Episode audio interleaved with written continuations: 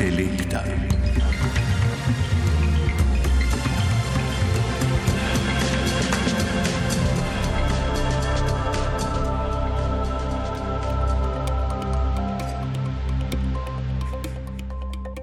Ko je pred približno desetletjem evropske države, med drugimi tudi Slovenijo, doletela finančno-gospodarska kriza in smo slabo stoječe banke reševali z javnimi sredstvi, zaradi česar so se morale države seveda krepko zadolžiti, smo morali hkrati s temi dolgovi sprejeti tudi stroge vrčevalne ukrepe za zmanjšanje javnega dolga.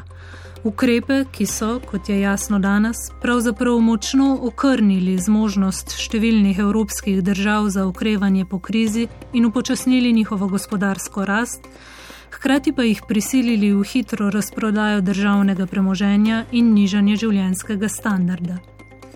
No, takrat nam je tako večina politikov kot ekonomistov razlagala, da gre za neobhodno realnost. Vsakdo vendar že iz lastne izkušnje razume, da je porabljati več, kot zaslužimo, neodgovorno, poleg tega pa nas knjižanju dolgov vsaj pod 60 odstotkov bruto domačega proizvoda in kletnim finančnim primankljajem pod 3 odstotki BDP zavezujejo tudi pravila Evropske unije. Bogatejše in manj zadolžene evropske države z Nemčijo na čelu so močno pritisnile na najbolj prizadete članice Unije in nekatere, med njimi tudi Slovenija, so rigidna fiskalna pravila, ki prepovedujejo večje primankljaje v državnih bilancah in s tem tudi vsakršno resno ukrepanje med gospodarskimi krizami, upisale celo v ustavo.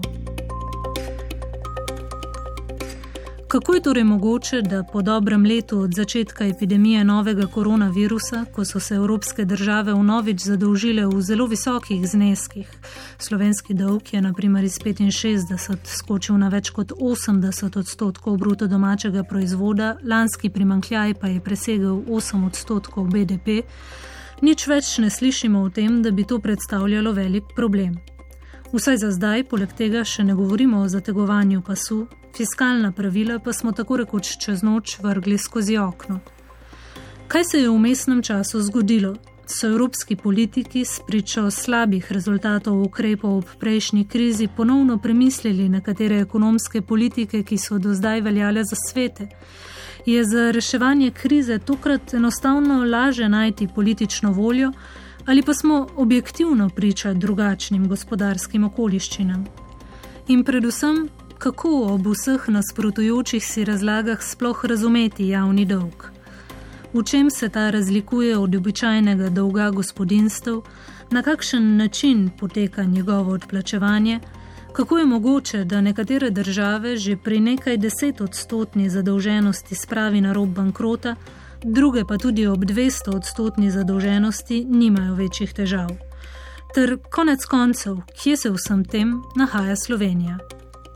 To vrstna vprašanja nam bodo v tokratni intelekti pomagali osvetliti ekonomisti z oddelka za obvladovanje tvega Nove Ljubljanske banke dr. Urban Sušnik, zgodovinar in urednik aktualno-politične redakcije Radia Student Gal Krizmanič ter profesor na Ljubljanski ekonomski fakulteti dr. Mojmir Mrak, ki za začetek takole pojasni nastanek javnega dolga.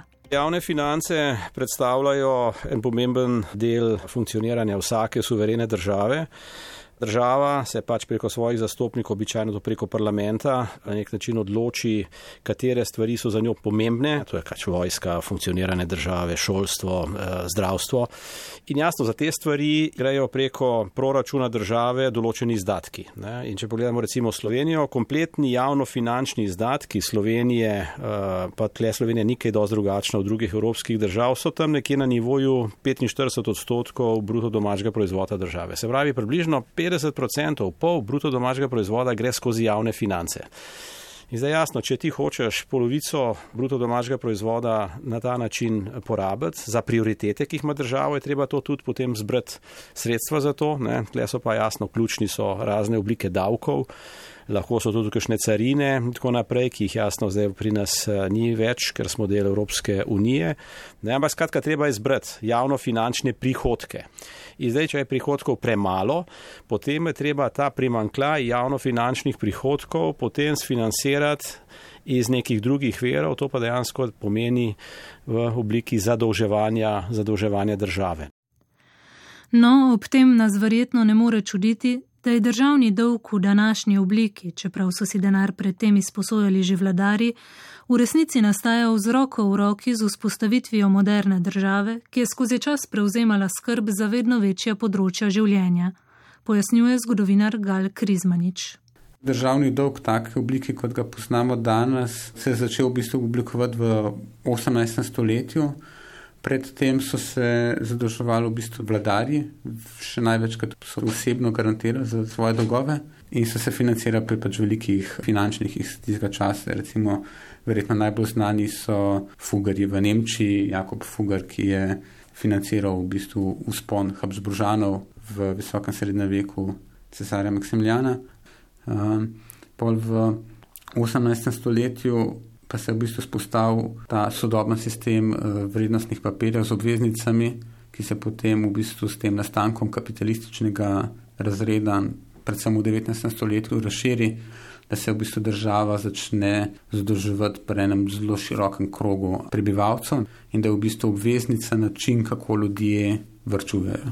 V bistvu nastavek tega dolga, kot ga poznamo danes, je v bistvu šel z roko v roke z postavitvijo države, tudi državnih institucij uh, in pa z večanjem v bistvu stroškov države, se pravi stvari, za katere je porabljala denar in pač imela vedno večje potrebe.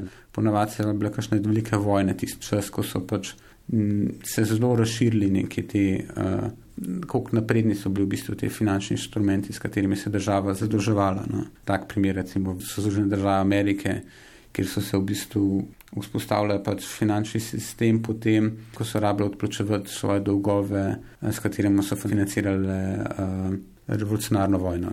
Če se javni dolgovi tako vedno močno povečajo med vojnami, pa dolg modernih držav praviloma znatno naraste tudi med gospodarskimi krizami, ko morajo države, kljub nižji količini prihodkov, vzdrževati vse državne podsisteme, od zdravstva do šolstva, vojske in policije, Hkrati pa so prav v teh trenutkih države pogosto tudi edine, ki lahko s pravilno usmerjenimi investicijami in spodbudami ohlajeno gospodarstvo znova spravijo v tek. Državno zadolževanje je tako, čeprav se ga včasih drži nekakšna skoraj moralistična kritika, že dolgo povsem običajen instrument vsake države, kupovanje državnih obveznic pa povsem običajen način vrčevanja tako za banke kot za množico institucionalnih investitorjev, kot so zavarovalnice in pokojninski skladi.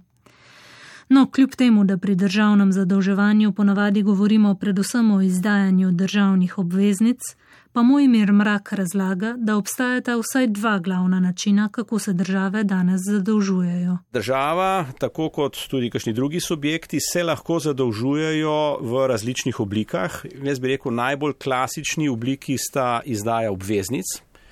Uh, in druga oblika, ki je menj pomembna, je pa zadolževanje v obliki najema uh, kreditov. Ne. Če bi šli nazaj, recimo v začetek Republike Slovenije, tam v letih 92, 3, 4, 95, se Slovenija ni mogla še zadolževati v obliki izdaje obveznic, ker ni imela bonitete. Se pravi, zato da nek subjekt izda obveznico na mednarodnih finančnih trgih, mora imeti boniteto ker investitorji, tisti, ki te obveznice kupujejo, niso pripravljeni kupiti obveznic, ki nimajo bonitete.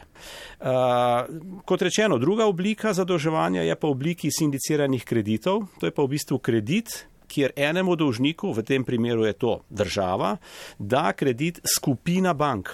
Skupina bank in to na osnovi ene pogodbe.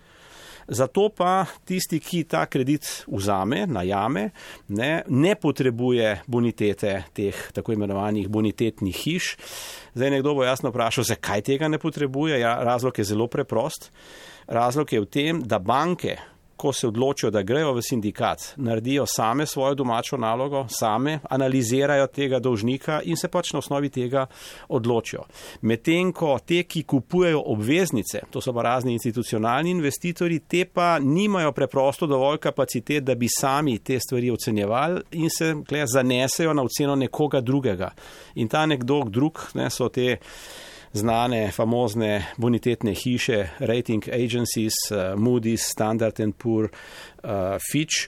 in oni preprosto vzamejo te njihove bonitete kot relevantne za to, da se odločijo, ne, ali neko obveznico nekoga kupijo ali ne. Tako da je kar precejšna razlika med tema dvema inštrumentama zadolževanja.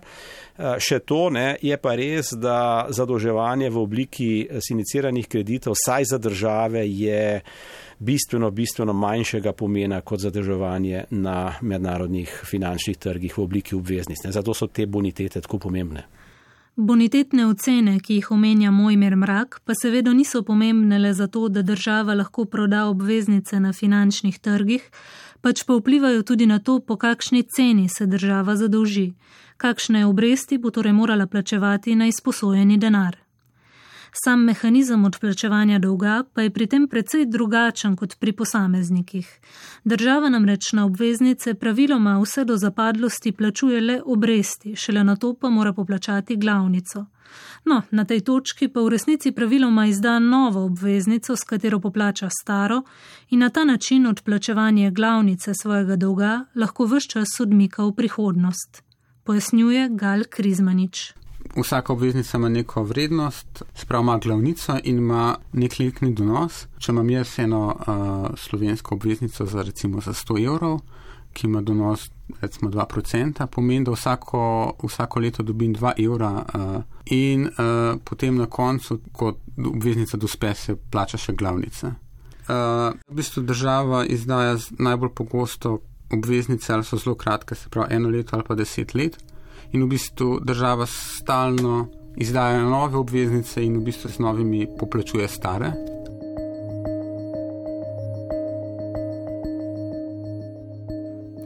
Kljub temu, da smo po prejšnji krizi vse čas poslušali o skoraj magični meji zadolženosti pri 60 odstotkih bruto domačega proizvoda, je torej, dokler imajo države možnost, da se vedno znova zadolžujejo, v resnici bolj kot sama višina dolga, pomembna višina letnih donosov, ki jih mora država odplačevati svojim upnikom, in prav lahko se zgodi, da države z mnogo nižjim dolgom ta dolg stane več kot tiste, ki so se zadolžile mnogo bolj, ampak pod boljšimi pogoji. Mojmir mrak. Sama velikost, višina javnega dolga sama po sebi ni nujno problem. To je tako, kot ste vi omenili. Imate Japonsko, ki ima javni dolg preko 200 odstotkov BDP-ja in imaš danes celo vrsto dežel v razvoju, ki imajo javni dolg eh, precej, precej nižji. Tudi pod 60%, pa so na robu bankrota. Tako da bistveno bolj pomembno je, uh, jaz bom pač uh, malo poenostavil, dolžniška obremenjenost. Se pravi, po kakšnih obrestih si ti te kredite najel. Ne? Da vam dam en primer, kar slovenskega. Ko je Slovenija prišla takrat na rob bankrota leta 2013, smo mi za obresti iz javnega dolga plačevali približno milijardo 300 milijonov evrov. Ne? Če pogledate, da je bil proračun Slovenije približno 10 milijard, pomeni, da smo približno 13 odstotkov vseh izdatkov proračuna je šel samo za plačilo obresti. Danes je ta številka, mislim, da je okrog, zdaj nisem natančno, jih nisem gledal, ampak tam 600-700 milijonov. Ne? Zakaj? Ker smo dolgove prestrukturirali, obrestna mera je to knjižja. Ne? Slovenski javni dolg se ni čist nič po nominalni vrednosti spremenil v zadnjih letih. Je še zmeraj na približno tam nekje 32-34 milijard evrov, ne? zdaj je pa šel spet na 80 odstotkov. Ampak se je dolžniška obremenjenost, kot vidite, precej zmanjšala. Zakaj? Ker so se obrestne mere znižale.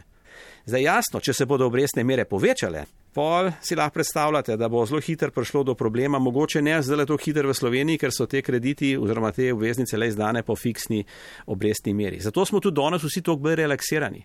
Slovenija ima danes javni dolg 80%, pa se minister za finance hvali, da se zadolžujemo po negativni obrestni meri. Ja, res je.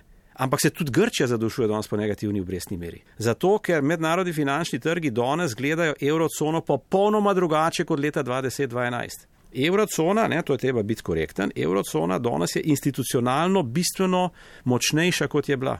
Vendarle se je veliko stvari spremenil, mi imamo zdaj vse te fiskalne aranžmaje, eh, šestorček, dvojček, fiskalni pakt in tako naprej. Ne. Eh, boniteta ene evro države se v zadnjem času, odkar je se izbruhnila korona kriza, ni znižala.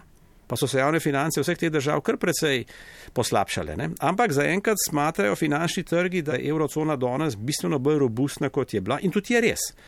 Kot poudarjajo naši sogovorniki, je poceni zadolževanje v tem trenutku v veliki meri posledica ogromne količine denarja na finančnih trgih, ki enostavno ne ve, kam se usmeriti in išče zaklon v relativno varnih naložbah v državne obveznice, če tudi po tako rekoč nični ali, ko upoštevamo inflacijo, celo negativni obrestni meri.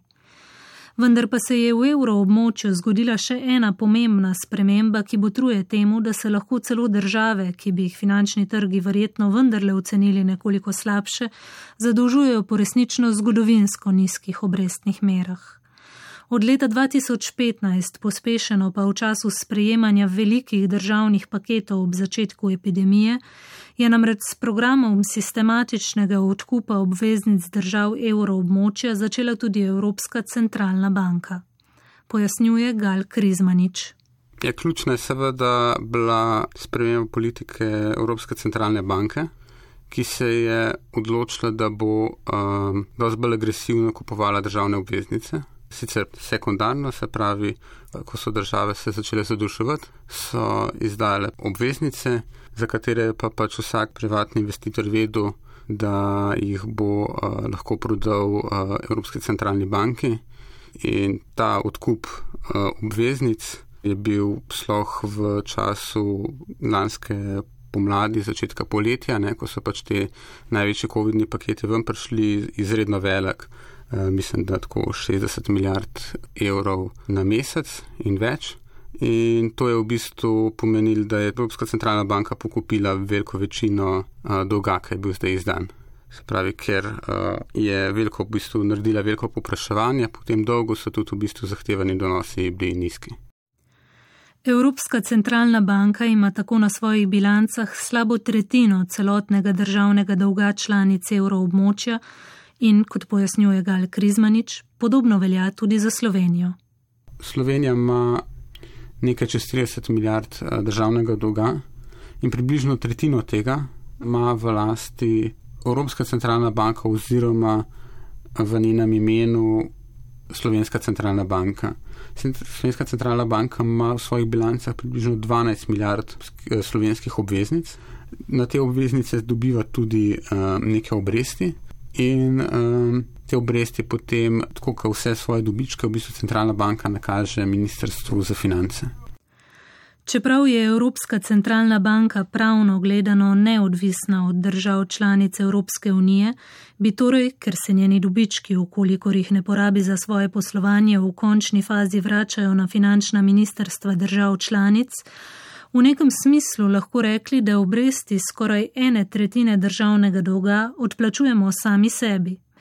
No, če je stvar tako preprosta, pa se seveda postavlja vprašanje, zakaj se Evropska centralna banka ni s tako politiko odzvala že takoj ob začetku prejšnje krize in tako preprečila vrste skorajšnjih bankrotov nekaterih evrskih držav, ki so zaradi visokih stroškov zadolževanja na finančnih trgih zašle v hudo dolžniško krizo. Pojasnjuje ekonomist Urban Sušnik. ECB je, čeprav sem sam zelo kritičen do ECB, je dejansko imela neke institucionalne omejitve, kaj sme in kaj ne sme narediti, ki jih zdaj nima več. Ne? Zdaj ima kart blanš, da v resnici, čeprav, kot razumem, so vse ni z vidika nekih uh, osnovnih dokumentov veliko spremenilo, ampak obstaja politična volja, da lahko ECB v resnici pomaga in drži cene obveznic na rekordno nizkem nivoju. Da države ne bojo v trenutnem stanju COVID krize imele probleme z novim dolgom. Ker takrat ni bilo res. Ne? In to je šlo za politično voljo, to je šlo za v resnici čisto razumljiv problem severnjaških držav. Ne? Če si ti ravno kar dokapitaliziral banke. In zdaj bi se ti lahko zaradi Grčije zgodilo, da bi jih mogel ponovno dokapitalizirati, izpadeš kot politik izjemno nesposobno. Ne? Državljanom se zdi, da financirajo le nuhe z juga. Jaz razumem, zakaj to takrat politično ni šlo skozi. Sam uh, dejstvo pa je, da to ne gre za nek naravni zakon. Ne?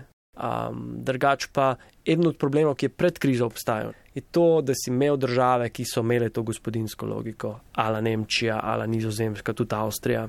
Države, ki so rekle, pač mi smo zgledni, mi imamo uspešna gospodarstva in relativno stabilno zadolženost.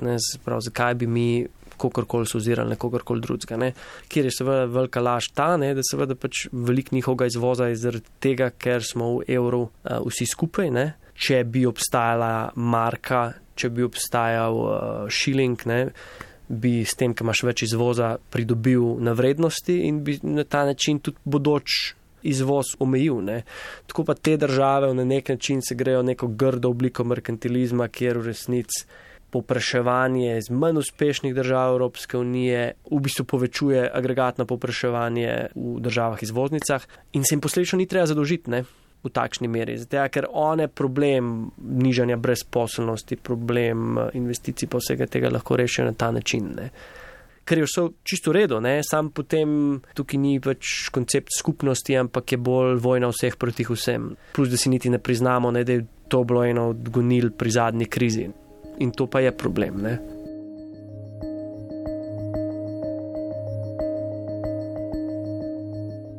Čeprav je bil tokrat konsens o ukrepanju lažji tudi zato, ker je koronska kriza evropske države prizadela veliko bolj enakomerno in so vse potrebovali podobno politiko, pa se spričo še nekaterih premikov, kot je naprimer prva skupna zadolžitev evropskih držav prek Evropske komisije, ki bo financirala 750 milijard vreden program za okrevanje in odpornost, postavlja vprašanje, ali je tako v ekonomski kot v solidarnostni paradigmi reševanja gospodarskih težav v Evropi vendarle prišlo do kakšnega premika, ali pa gre samo za krizno ukrepanje, ki bo na to utonilo v pozabo. Gal Krizmanič to je ena taka precej špekulativna stvar, kaj se bo zgodilo v bistvu, ko te situacije ne bo več. Jaz vidim tako dve nekako poti. No. Ena možnost je, da se bomo vrnili na te vzorce, ki smo jih imeli pred recimo dvema letoma, kjer bo Evropska centralna banka pa Evropska unija sile države v čim večjo razoževanje. Zakaj se mi zdi to možno, je predvsem to, da so se zdaj zgodile zelo velike spremembe monetarne politike in tudi fiskalne politike. Zgodilo so se v okviru nekega izrednega dogodka, hkrati se je zgodil tudi nek uh, konceptualni preskok. Zamenjali smo neke postulate, ki so bili prej veljali kot trdni kot skala, ampak tega ni nihče v besedu. Predvsem ni noben v besedu v bistvu napak politike zadnjih desetih let. In zaradi tega se mi zdi možnost, da se vrnemo v prejšnje stanje. Po drugi strani se mi pa zdi, da je tako velikrat dobim občutek, da je bila ta COVID kriza v bistvu samo izgovor, da se upustijo neke prakse, ki so bile že zdavnej uh, prepoznane kot problematične, se pravi ta nesodelovanje ECB-ja z državami, to, da ECB skrbi samo za inflacijo, da ne sme nikakor financirati držav. In splošno pač ta ekonomska teorija, ki je zapovedovala veliko vrčevanje, da so v bistvu Mrzikdo se je zavedel pomankljivosti te politike, vendar zaradi tega, ker so bili cela ta institucija, pa vsi tudi konec koncev posamezniki, investirani v ta projekt, bi odstop v bistvu te politike pomenil tudi priznanje nekih napak za nazaj. Medtem, ker ta COVID kriza je dala priložnost, da se te politike opustijo. In v tem smislu vidim malo podobnosti v bistvu z drugo svetovno vojno. No ker smo imeli v 30 letih se prav tudi dolgo gospodarsko krizo, s katere se nikako ni dal rešiti.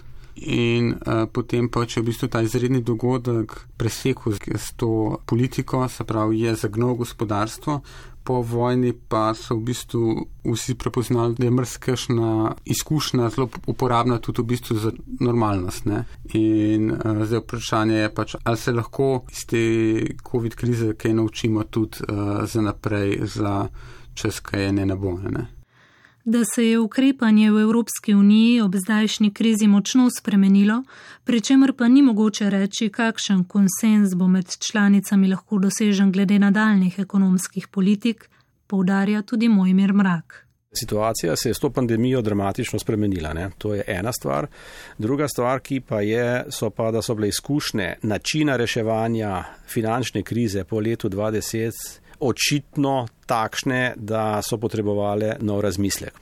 Če se spomnite, ko je COVID kriza izbruhnila, je prišlo zelo hitro do soglasja, da je treba relaksirati fiskalna pravila, ker drugač bojo države zelo hitro šle pod vodo. Prostile so se državne pomoči, ne? prišlo je do tega velikega EU paketa finančnega in tako naprej. Ne? Zdaj jaz bi tako rekel, ne? mi smo zdaj tole krizo ad hoc pogasil, ampak jasno, enkrat se bo stvar normalizirala in morali se bomo vrniti tudi na te fiskalne pogoje. Ali bodo zdaj taki? Jaz mislim, da ne, ker jih bo treba spremeniti. Ne. Ampak spremenili se bojo takrat, ko bo za to soglasje. Če ne bo soglasja, pač te so v veljavi.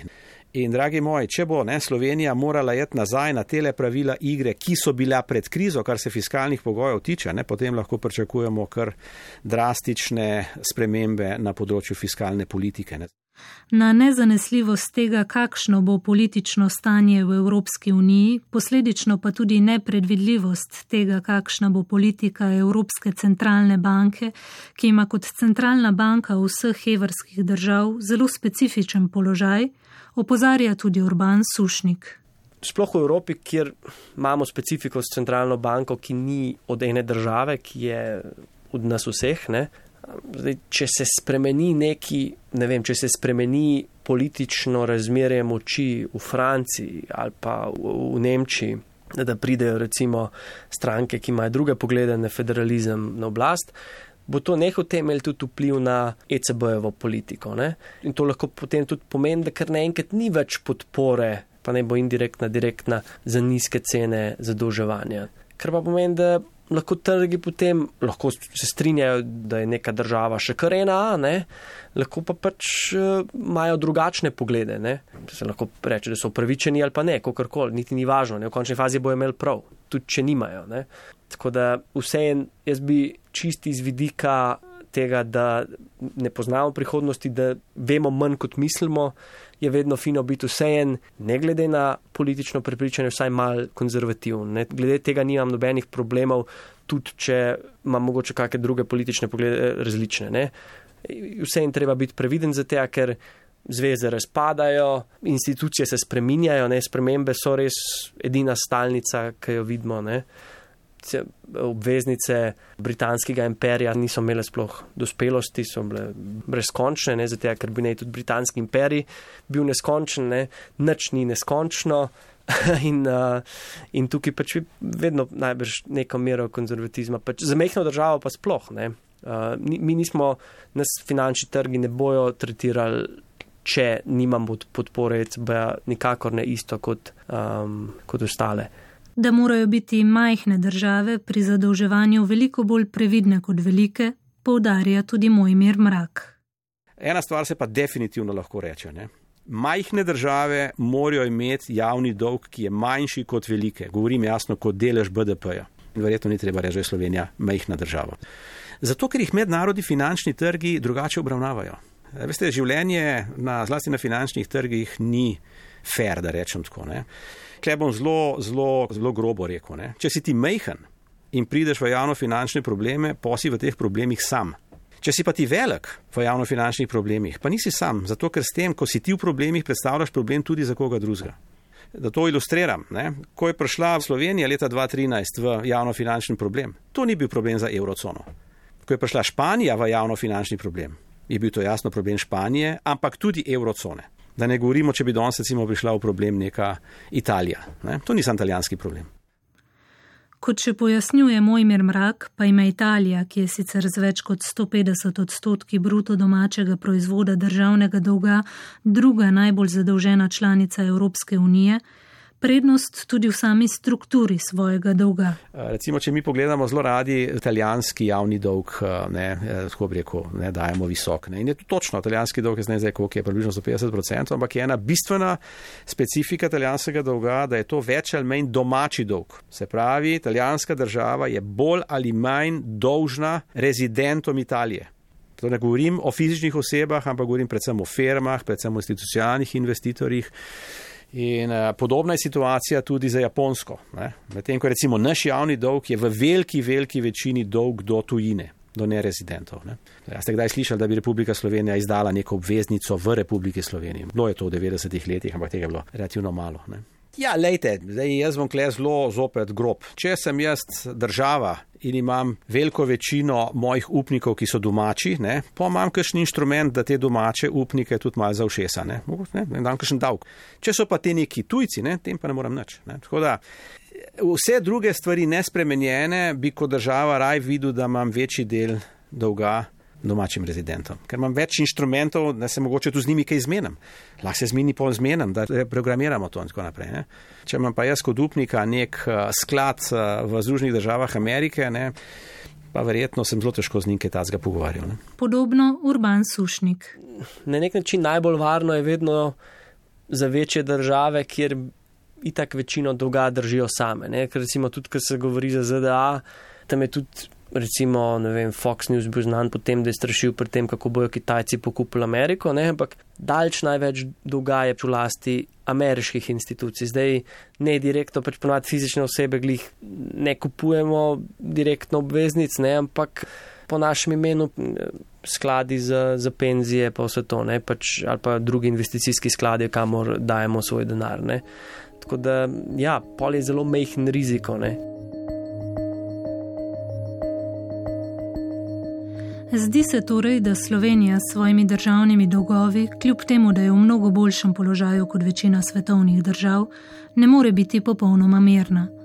Za reševanje morebitne slovenske dolžniške krize zaradi naše majhnosti ne bo nujno širšega političnega konsenza, naš dolg imajo v rokah tuji investitorji, ki ne bodo nujno zainteresirani za pogajanja, In na vse zadnje, čeprav smo skoraj v celoti zadolženi v svoji valuti, te valute v bistvu ne nadziramo in ne moremo z gotovostjo računati, da bo Evropska centralna banka vedno podpirala naš dolg, tako kot praviloma počnejo centralne banke monetarno suverenih držav, naprimer Amerike in Japonske.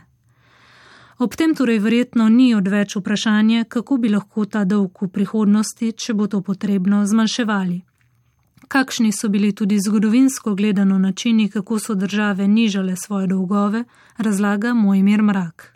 Lejte, modelov oziroma kako bi rekel rešitev za to, kako zmanjševati javni dolg, eh, je kar neki.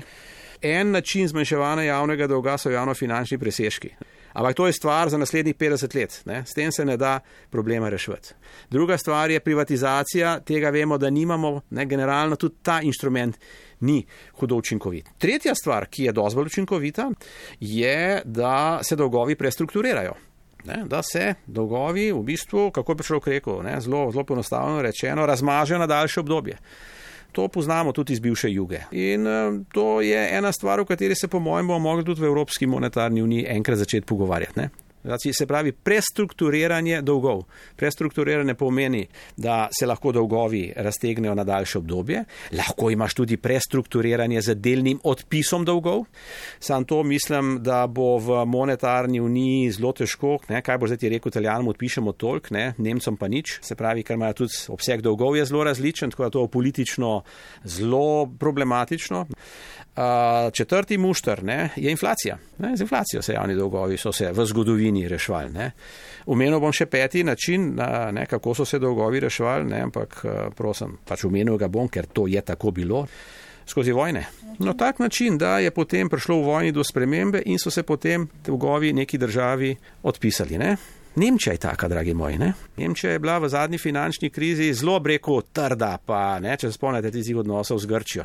Ampak po svoje je bilo to precej nekorektno. Ne? Nemčiji so bili po drugi svetovni vojni z Marshallovim planom ne, precejšen del dolgov odpisan. Skoro večkrat so pozabili.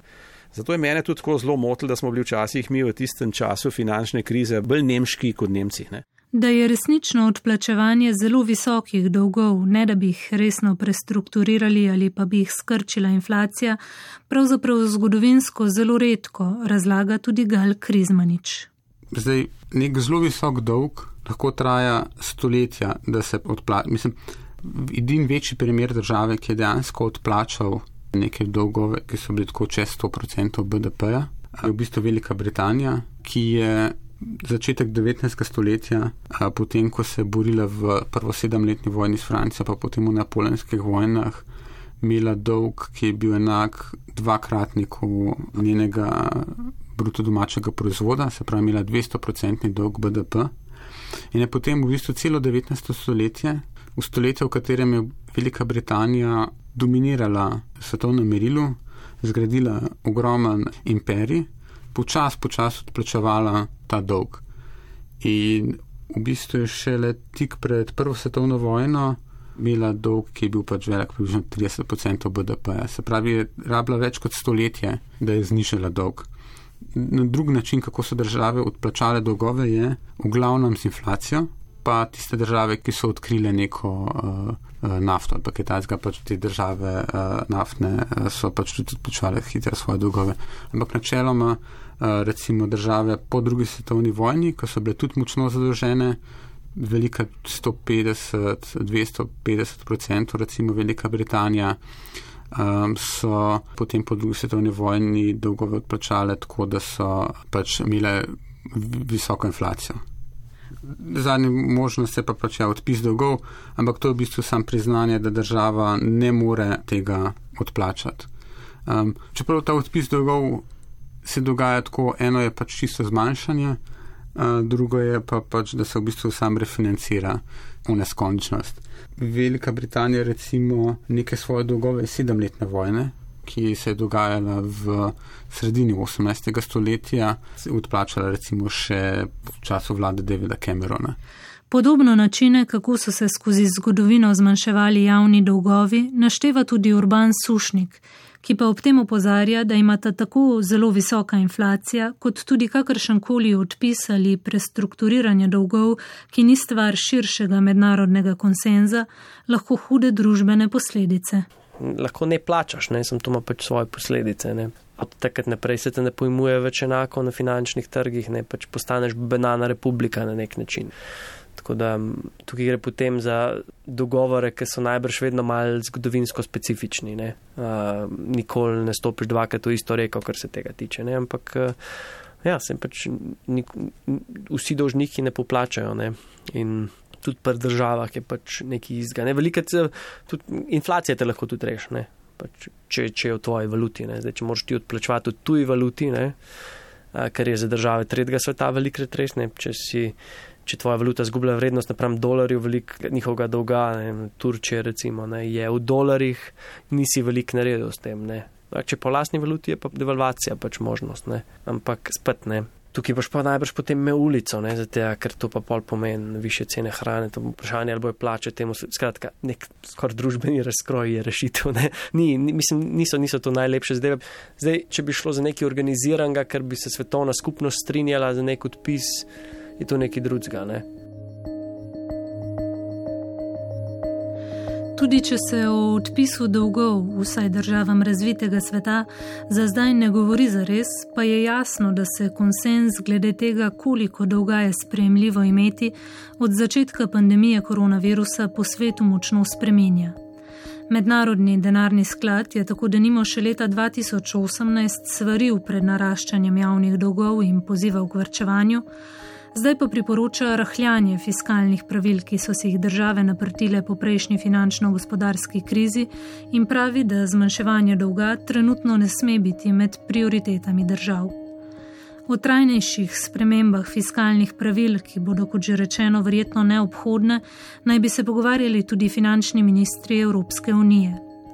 No, na vse te odločitve, ki bodo sicer močno vplivali na to, kako bodo lahko države v prihodnosti upravljale svoj javni dolg, seveda majhne države nimajo večjega vpliva.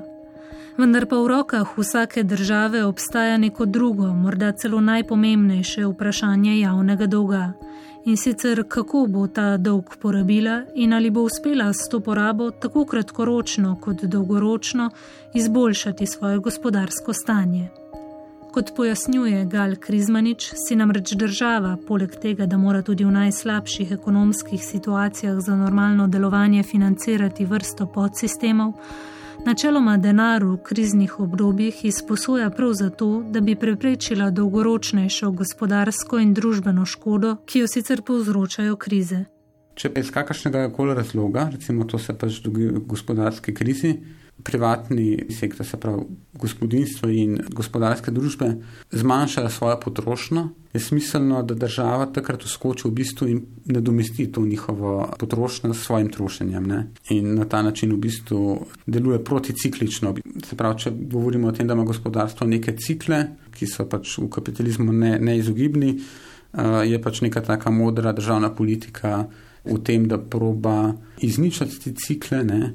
In predvsem preprečiti neko dolgoročno škodo, ki bi lahko zaradi tega nastala. Se pravi, zaradi tega, ker so ljudje dolg časa brez službe, izgubijo v bistvu neke spretnosti in so zaradi tega, potem ko se enkrat, če se vrnejo v delovno silo, pač manj produktivni napad, zaradi tega pač neka dolgoročna škoda nastaja.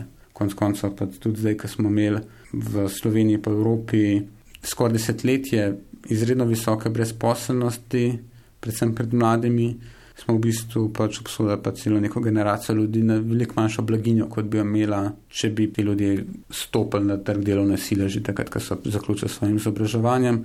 To je neka škoda, ki jih bo v bistvu spremljala celo življenje. Ne? In smotrna politika države je pač v tem, da v bistvu proba te neke cikle zmanjšati. Kot še dodaja Gal Krizmanič, poleg tega države, če z izposojenim denarjem uspešno zvišajo gospodarsko rast in domačo potrošnjo, precejšen del uloženega preko davkov pravzaprav dobijo nazaj v državno blagajno, s čimer seveda lažje odplačujejo tudi svoje dolgove. No, da odplačevanje javnega dolga, če lahko država spodbudi dovolj visoko gospodarsko rast, v končni fazi postane veliko manjši problem, povdarja tudi Urban Sušnik, ki pa obenem opozarja, da ne glede na načrtovane državne investicije, vsaj na srednji rok ni videti, da bi prihajal čas visoke gospodarske rasti. Z vidika dolga v splošnem, ne samo javnega dolga, nepetno je vprašanje eh, tudi kvalitativne narave, ne, se pravi kaj naredimo s tistimi sredstvi. Ker vzdržnost dolga na dolgi rok je vedno vezana na to, ali je ta investicija, ki jo naredimo, sposobna generirati bodoče bogatstvo. Potem ne, načeloma zadolževanje kot tako ni problem. Ne. Če gospodarstvo raste dovolj hitro, bo lahko poplačalo. In se hkrati na novo zadolževalo, ne? ampak ne obstaja potem neka velika nevarnost prezadolženosti.